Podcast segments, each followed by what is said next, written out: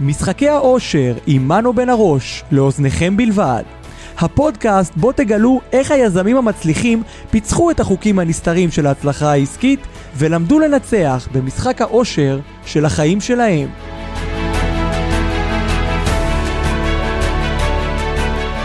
ברוכים הבאים לפרק נוסף של הפודקאסט שלי, משחקי העושר. אה, והפעם אני מארח אורח מאוד מאוד אה, יקר לליבי, אפשר להגיד, אבא שלי, חיים בן הראש, וזה מאוד יפה שאני אומר, אני מארח אותו, אבל בעצם אני מתארח בבית של אבא שלי, חיים. אז אבא, אני לא אקרא לך חיים, אני אקרא לך אבא במהלך הראיון. כן. אני שמח להיות פה. ברוך ו... הבא. בצל קורתי. אוקיי, כן. וברוך הבא בצל פודקאסטי. אה, אז אה, אנחנו נדבר, והטריגר של השיחה שלנו, ככה אני הרבה זמן רציתי לעשות את השיחה הזאת, הוא הספר שהוצאת זה עתה לאור, חיבה לעלייה לארץ ישראל. אתה ככה, הספר נמצא פה לידך. כן. אה, הנה זה הספר, כאן ב, בידיים שלי. וזה בעצם אה, ספר האוטוביוגרפיה שלך. ספר האוטוביוגרפיה שלך כנער שנולד וגדל במרוקו, ובעצם אה, עשה, עלה לארץ ישראל עם עלייה גדולה בשנות החמישים של אה, יהדות צפון, צפון אפריקה. אה, התיישב באזור הגליל, ובעצם פתח את חייו משם בארץ ישראל. ואני רוצה להתחיל איתך בשאלה שמאוד עניינה אותי. הספר הזה הוא ספר שקראתי אותו כמובן בשקיקה, חיכיתי לו הרבה, שיתפת אותי הרבה בתהליך כתיבה שלו, אבל כשבאת לשים את הכריכה, אה, לעצב את הכריכה, בחרת בתמונה של האונייה הזאת. כן. שזאת האונייה שעלית איתה, אוניית נגבה. מצרפת לישראל. כן. אתה יודע, תכף אנחנו קצת נכיר אותך וגם נשמע סיפורים שלך. יש לך סיפור חיים מדהים, המון התנסויות, המון דברים, וכשאתה בא לשים איזושהי תמונה שמייצגת את האוטוביוגרפיה שלך, אתה בוחר ב, אה, באונייה הזאת. תגיד לי, מה עמד מאחורי הבחירה הזאת? למה בחרת אותה? אמ, אפשר לומר שהיא למעשה הכניסה אותנו לשער ארץ ישראל. כן. וגם השוני ממנה, מהאונייה הקודמת שבה עליתי ממרוקו, הכוונה מקזבלנקה למרסיי, שזאת הייתה אונייה מזעזעת והתנאים בה היו ממש קשים ביותר.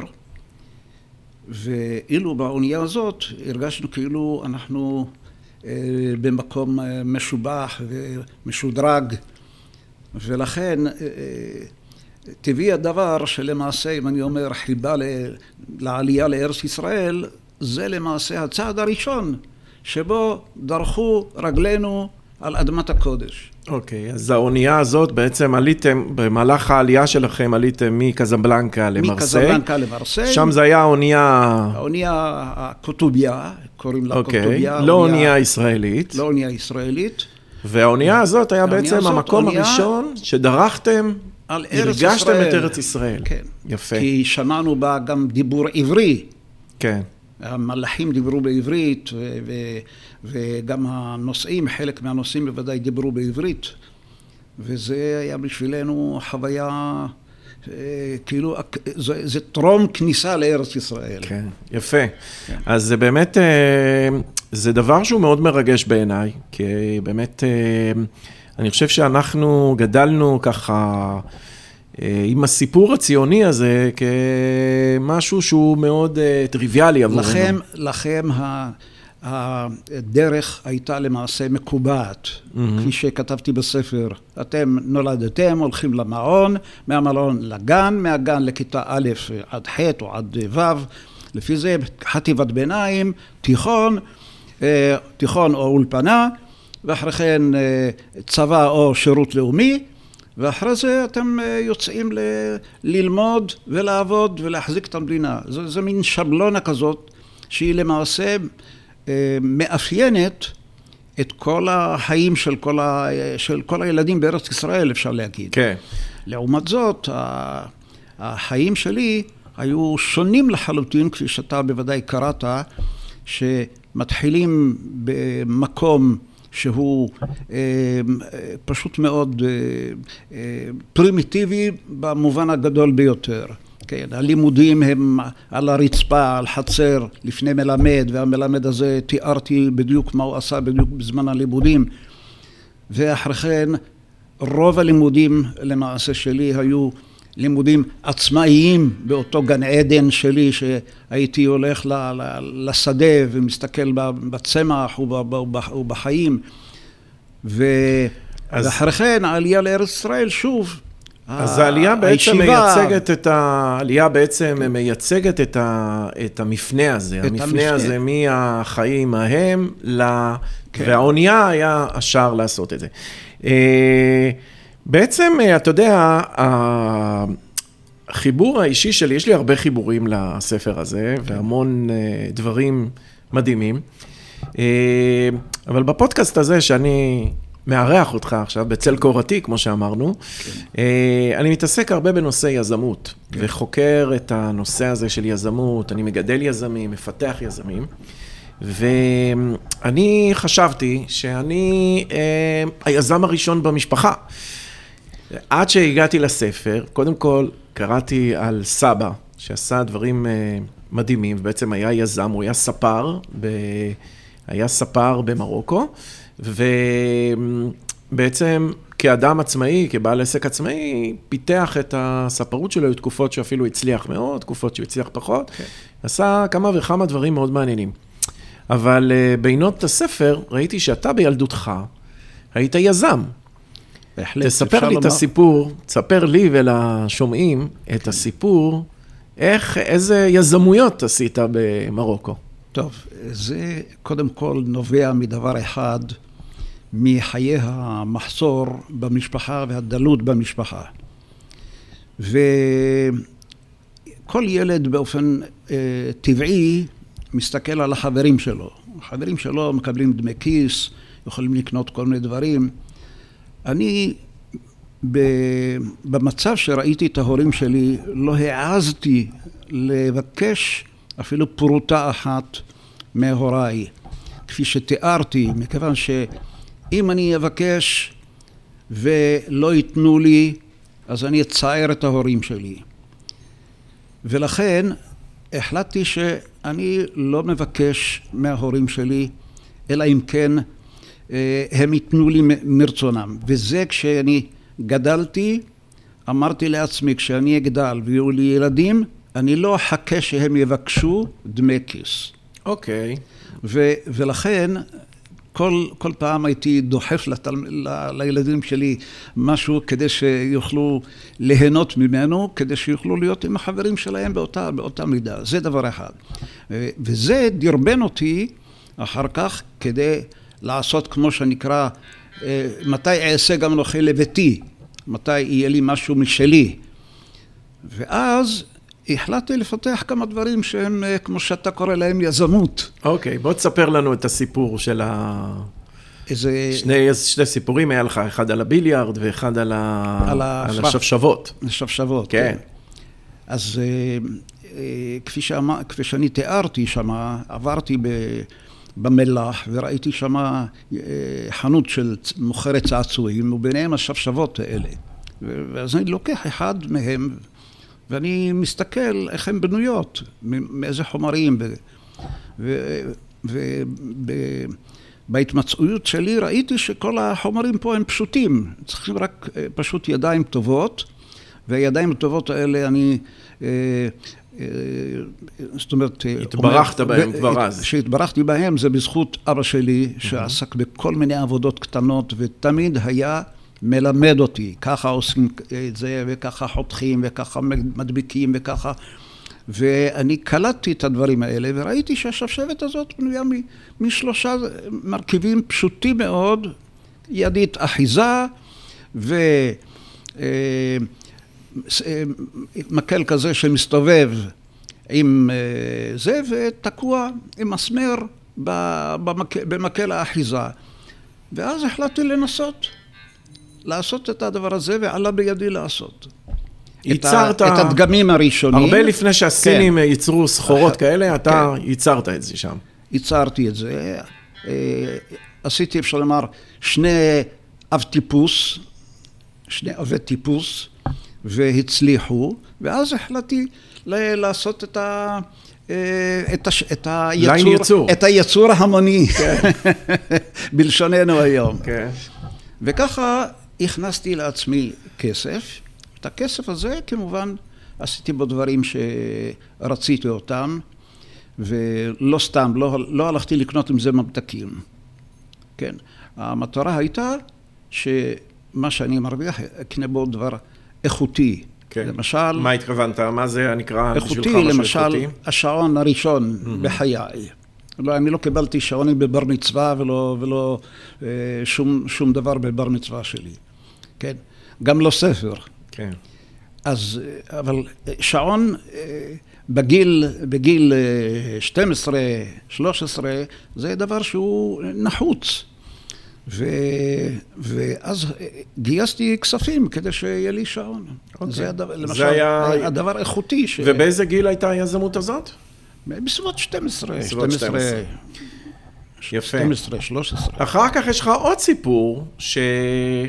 אה, ככה, אתה מתאר את זה, את הסיפור של השבשבות אגב, שלא התכוונת שזאת תהיה יזמות, פשוט עשית משהו, ונתת כן, לאחיך אברהם, כן. שיקח את זה, הוא לקח, חזר לך בערב עם כמה וכמה שקלים, ואמרת, וואו, כן. אני רואה שזה הולך, ולא לא התכוונת נכון. לזה.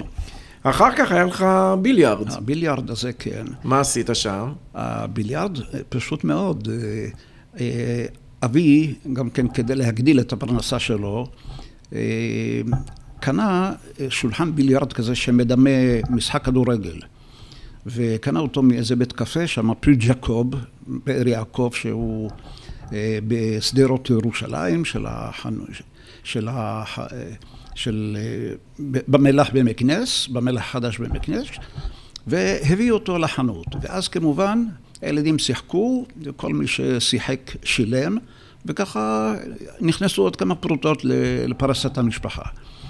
אבל אה, אני החלטתי לעשות אותו בצורה מיניאטורית, והלכתי לנגר ואמרתי לו בדיוק מה לעשות, איך לבנות את השולחן הזה ואיך ואיפה לשים חורים, ואחר כך הלכתי לחרת, החרת שהיה חורט את הבובות שמדמות את השחקנים, והוא השחיל אותם גם כן בתוך המוטות האלה, וככה נוצר שולחן ביליארד.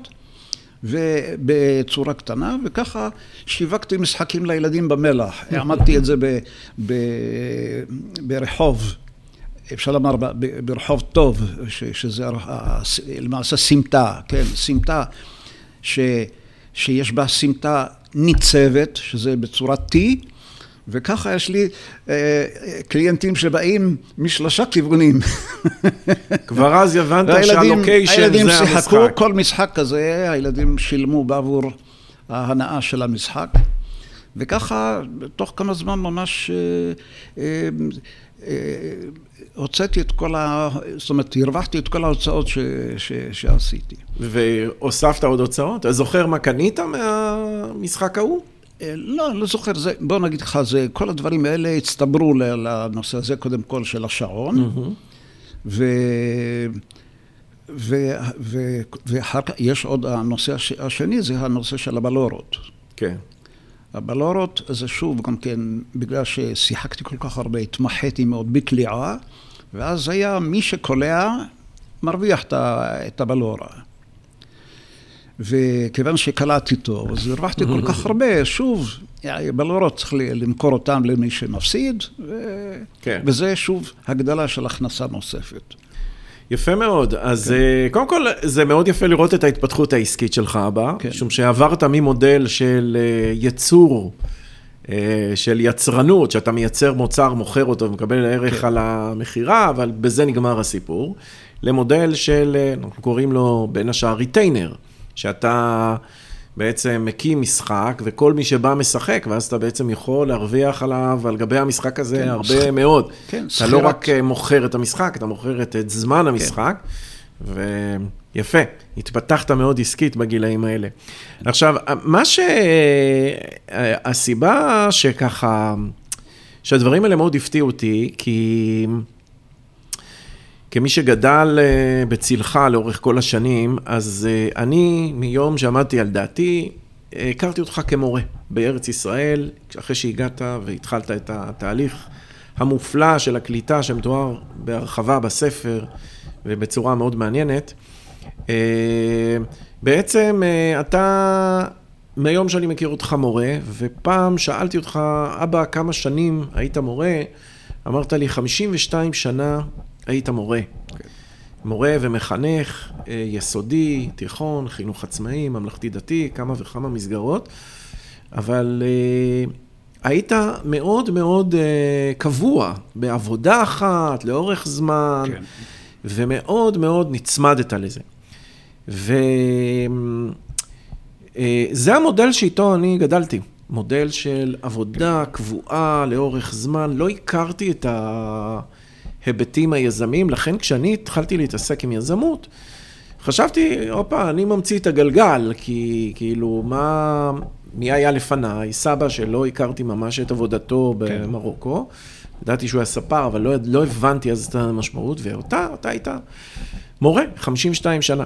אני פעם סיפרתי לך, שאמרתי לך שאתה היית 52 שנה, אני עד גיל 52 החלפתי 52 מקצועות. מקצועות. אה, כי הניידות והדינמיות הייתה מאוד מאוד גדולה. זו התקופה שלכם, התקופה שלכם. כל, כל אה, איש שעובד בהייטק בדרך כלל מחליף כל כך הרבה עבודות, אה, תסתכל על גיסך. כן, כן אבל, אבל זה לא רק עניין של תקופה, כי כן. יש לנו היום אנשים שיודעים אה, להתקבע בעבודה ולהישאר בה. ובאמת, השאלה שאני רציתי לשאול אותך, האם, אה, האם אתה חושב שלו היית גדל בתקופתי, או גדל היום, היום היית בן 18, בן 20, היית אה, הייתי מחפש, בוחר באותה דרך? היית בוחר באותה דרך של הוראה, עבודה קבועה, משהו קבוע כזה, או שאולי החיידק היזמי שמתעורר אצלי, בעצם כבר היה אצלך, רק נסיבות חייך לא אפשרו לך אה, לפתח אותו. ובכן, למעשה, העניין הזה של הקביעות בעבודה, זה שייך גם לדור הקודם. כיוון שלמעשה, הגורמים המיישבים במדינה והגורמים שניהלו את המדינה, ובמיוחד שהייתה להם אה, גישה סוציאליסטית, דהיינו, שכולם יקבלו במידה שווה את אותו אה, סל המזון וסל התרבות וסל... ו, ו, ו, וכל הדברים יהיו, אפשר לומר, בצורה שווה. וגם ההכנסות היו למעשה מן העבודות האלה היו, אה, אפשר לומר, רק כדי לחיות. ולכן הפחד היה כל הזמן שלמעשה אצל כולם, שלא יהיה לו עבודה. Mm-hmm. עכשיו, אז כל מי שיש לו עבודה יחזיק בה, אפשר לומר, ב- ב- ב- בכל האפשרויות. אה, אני סבלתי בהרבה דברים, אבל סתמתי את הפה, כי אמרתי, אם אני אעורר מדנים או אגיש אה, אה, קובלנויות או דברים כאלה, יעיפו אותי לעבודה, ואז לא תהיה פרנסה למשפחה שלי. וזה כל הזמן עצר אותי. מצד שני, זה לא אומר שזאת הייתה ברירת מחדל. ניסיתי גם בעבודה לחדש צורה שבה לימדתי בשנה זאת, לא לימדתי בשנה שעברה, בשנה הבאה. ודברים חדשים שהיו נכנסים לשוק, הייתי מיד אה, משתלם בדבר הזה. למשל, כשהתחילו בנושא של אה, לימוד חשבון ולשון ואנגלית בטלוויזיה, דרך הטלוויזיה. אז uh, כמובן שהשתלמנו ואני לימדתי חשבון בתקופ, בתקופה מסוימת עם הטלוויזיה. זאת אומרת, אנחנו הסברנו בכיתה, הפעלנו את המכשיר בשעה מסוימת, כי זה היה בסך הכל מכשיר אחד, וככה למעשה התקדמתי בכל התוכניות החדשות שהיו מזדמנות בתוכניות הלימודים. זה גם העשיר אותי רוחנית וגם גיוון, כמובן. זה אומנם 52 שנה, אבל זה לא, לא, לא, לא שכל יום לימדתי את אותו שיעור וכל יום לימדתי את, אותו, את אותם תלמידים ו, וכל יום. כי כל שנה אתה מתחיל מחדש, בתור מורה. וזה זה גם הכניס לי את האהבה ואת הניסיון להמשיך ולהחזיק במקצוע. כדי שהמשפחה תתפרנס בכבוד. אבל ו... אני שואל, כן. אתה יודע, יש משהו ביזמות שהוא מעבר לחדשנות. זה שאתה חידשת בהוראה שלך ובאמת כן. העתקת את הרצון לחדש לשם, כי בנסיבות שהיו לך, הנסיבות הלא פשוטות של תקופת הצנע ואחריה, כן. שצריך להחזיק משפחה וצריך להיות אחראי לפרנסתה, אז אתה לא יכול לעשות הרפתקאות. נכון. זה ברור. אבל... Uh, יש משהו ב... בחיידק היזמי היום שהוא מעבר לרצון לחדש, כי אפשר לחדש גם בתור אדם שעובד וגם יש אנשים שעושים את זה בכל מיני צורות. יש אלמנט של שחרור ביזמות, יש אלמנט שאתה לוקח את גורלך בידך, שאתה לא סומך לא על משרד ממשלתי ולא על חברה ולא על שום מקום אחר, אתה לוקח את גורלך בידך ואתה עושה את זה. ואני, זאת הנקודה שמעניינת אותי, האם הגעת גם לנקודה הזאת שאמרת, אני לא רוצה להיות תלוי באף אחד, אני רוצה לקחת את גורלי בידי, או שלא היה לך פריבילגיה כזאת, אבל אם היית היום בעולם הנוכחי, שלקחת את גורלנו בידינו קצת, קצת יותר קל, האינטרנט וה... אה, טוב, וחברת השפע מאפשרת לנו גם את האפשרויות האלה בצורה יותר קלה. כן. זה, זה טוב לאדם שלוקח את גורלו בידו, שהוא, אה, אפשר לומר, מהמר. Mm-hmm. וכשיש לך משפחה וילדים, אה, מי שמהמר, אז או שהוא מרוויח או שהוא לא מפסיד. והמשפחה והילדים היו כל כך יקרים לי, שלא הייתי רוצה בכלל להמר. כן. מכיוון שהדבר אה, הראשון הוא להביא לחם הביתה, ולהביא לחם הביתה כשהוא קבוע, ו, וגם באותו נושא, זה עדיף מכל ניסיונות של uh, הזדמנויות, או כמו שאתה קורא לזה, uh, ניסיון ל, ל, ליזמות. כן. יש, היו מורים למשל שהם היו יזמים, שיכלו תוך כדי עבודה למשל ל, לרכוש קרקעות או בתים והשכירו אותם. אה, בהכנסות שהיו לנו לא הייתה אפשרות לעשות את הדבר הזה, מכיוון ש... צורת החיסכון הייתה כל כך מינימלית, בזה הקפדתי, בזה הקפדתי, שלמרות כל הצנע הזה וכל המחסור וכל, ה, אה, וכל הדיוק הזה, תמיד הפרשתי כמה אה, לירות ואחר כך כמה שקלים הצידה, שכשפרשתי, אז זה באמת, אה, כמו שאומרים חז"ל, פרוטה לפרוטה מצטרפת לחשבון גדול. כן. אני רוצה לעבור איתך למשהו שככה ב, בחיי הוא די ציון דרך אה, ב, בהיסטוריה התעסוקתית שלי, אה, וזה המקום הזה שהיית בגיל 40, היית בן 40, אני זוכר אז את התקופה. הייתי אז ילד בן 12, אה, 13, פחות או יותר, גרנו בקריית מוצקין. ועברת ללמד ב... אה, אה, באותו זמן עוד לא לימדת בימינורד, לימדת בבית ספר יסודי בקריית ים. והיה לך באותם שנים משבר מאוד גדול עם ההישארות בהוראה. ואני ממש זוכר את זה כנער צעיר, כילד צעיר, את הזמן הזה שאתה מגיע מהעבודה ואתה מתוסכל, ו... אתה אומר לנו משפטים כמו, אל תהיו מורים, אל תעבדו בעבודה הזאת. יש במשרד החינוך כל מיני הצעות באותו זמן להפריש מורים ותיקים, אתה כבר אז עם ותק של 20 שנה כמורה, כן. ומשרד החינוך רוצה לרענן ורוצה לעשות כל מיני דברים. ואני ממש זוכר את הימים האלה, שהיו ימים מאוד מאוד קשים עבורך. ואני מסתכל בהם בעיני הילד שלי. אני רואה את אבא שלי עובר תקופה מאוד לא פשוטה בעבודה, ודי סובל בה. ו... ואני באיזשהו מקום רוצה עבורך, בגיל הזה, שתצא משם, שלא תסבול, שתעבור למקום אחר, שתלך לעשות משהו אחר. והזמן הזה הולך ובסוף מתעצב לזה שאתה מסייע, אתה יוצא מהתקופה הזאת על ידי זה שאתה עובר לתיכון, מתחיל ללמד בתיכון. ואני רוצה להחזיר אותך לימים האלה.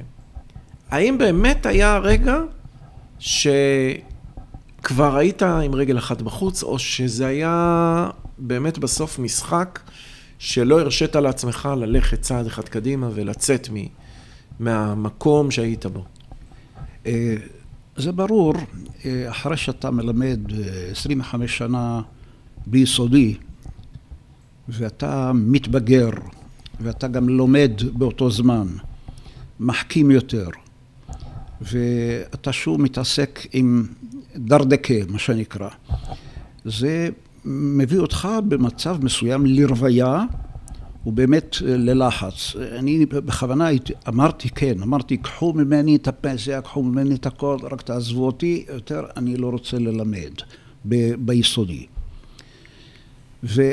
אבל מצד שני אני אומר, מה זאת אומרת, אם אני אצא, מי יפרנס את הבית?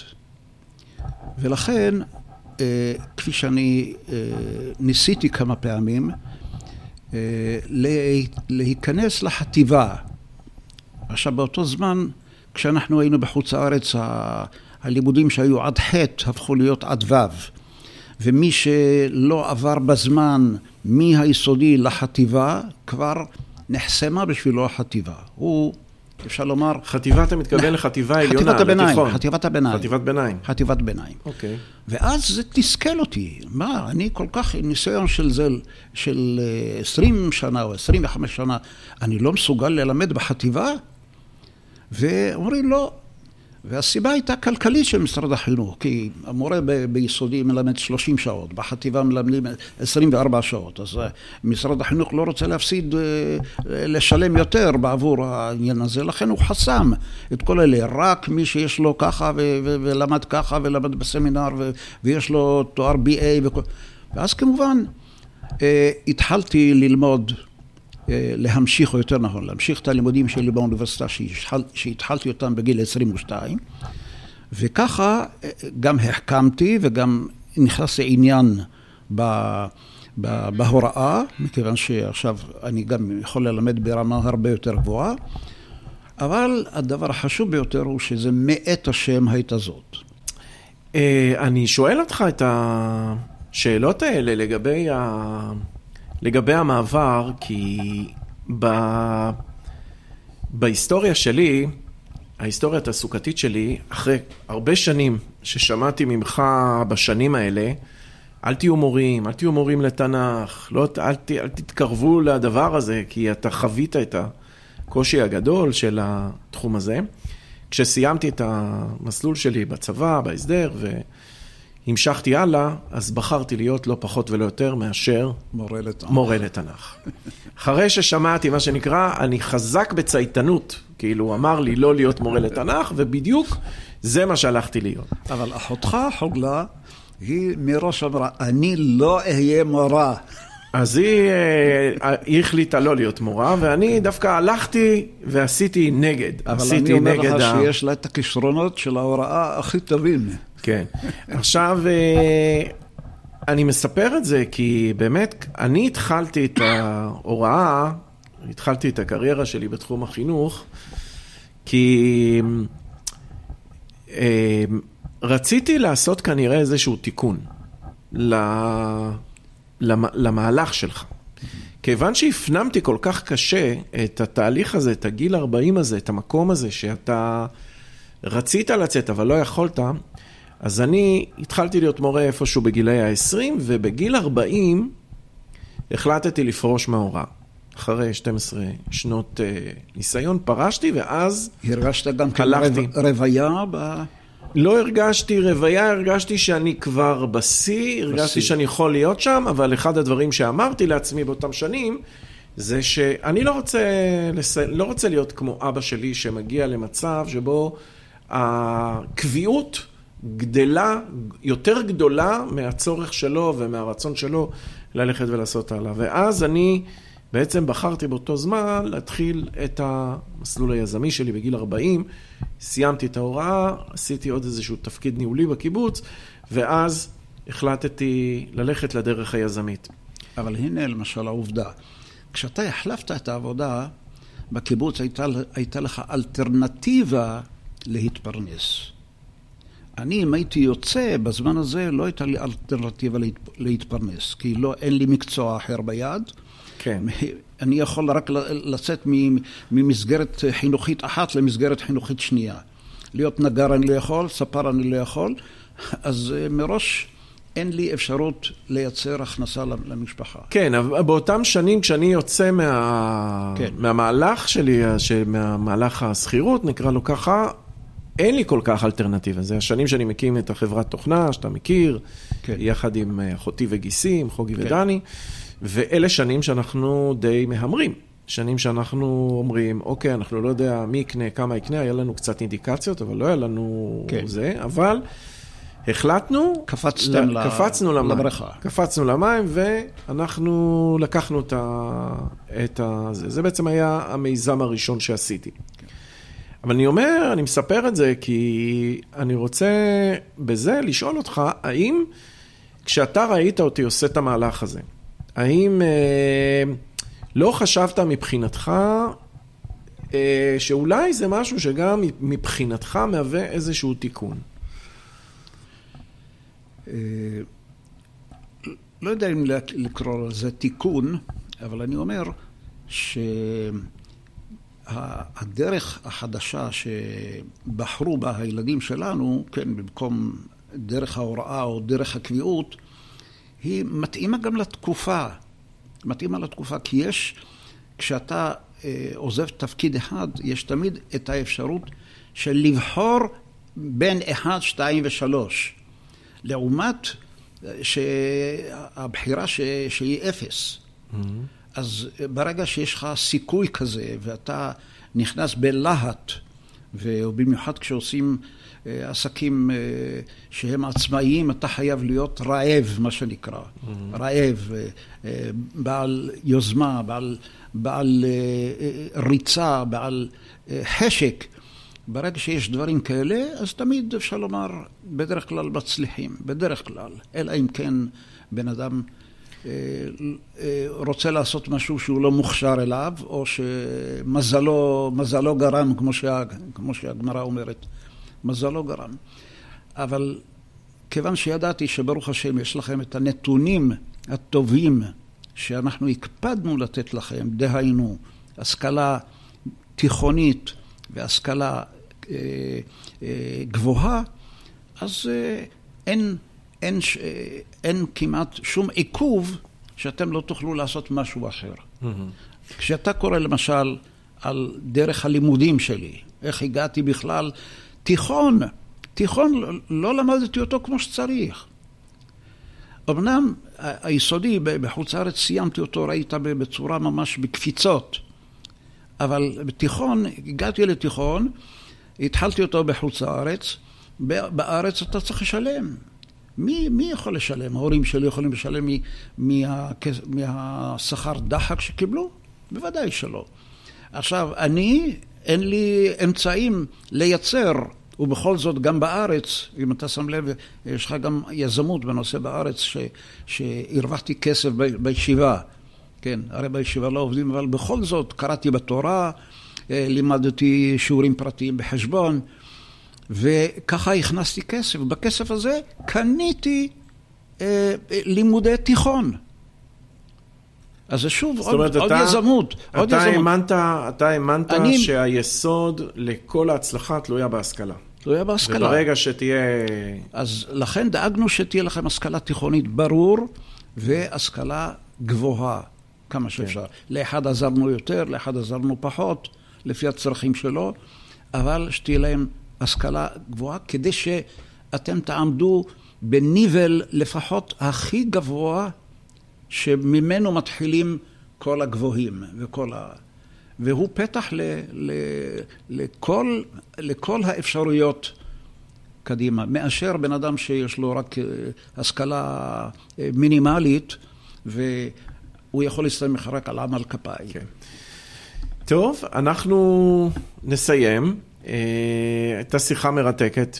אני הרבה זמן רציתי לדבר איתך, ואני מצ... שמח שהיה לנו את ההזדמנות הזאת. כן. ובעצם אה, אני רוצה להזמין את כל מי ששומע, שרוצה אה, לקרוא סיפור חיים מאלף על תולדות חייך ועל המסעות שעשית בכמה וכמה מקומות, לרכוש את הספר, חיבה לעלייה לארץ ישראל, ולהמשיך שם את ההיכרות המופלאה איתך. תודה שהיית איתי אבא. אני מאוד, אני מאוד מאושר שהגעתי למצב הזה שהבן שלי מראיין אותי